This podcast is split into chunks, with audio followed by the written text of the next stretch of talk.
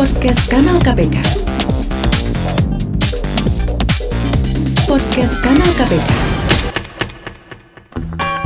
Perhatian-perhatian, ini adalah klinik gratifikasi. Ada yang bisa kami bantu?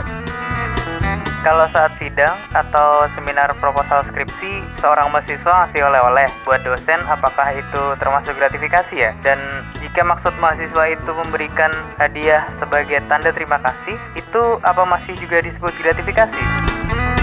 Itu tadi pertanyaan dari Merdeka Bro melalui Twitter at official underscore Yulian dan akan langsung dijawab oleh Henny Kusumaningrum dari Direktorat Gratifikasi KPK. Silahkan.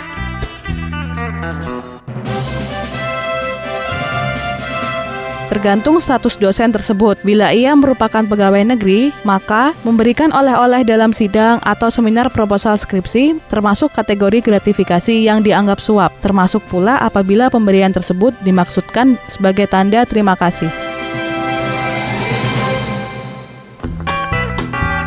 Nah, sekarang udah tahu kan? Segala permasalahan seputar gratifikasi dapat Anda tanyakan kepada kami melalui Twitter di @kanal_kpk dengan hashtag klinik gratifikasi. Sampai jumpa di klinik gratifikasi berikutnya.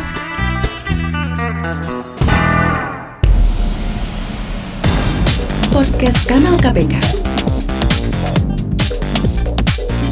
Podcast Kanal KPK.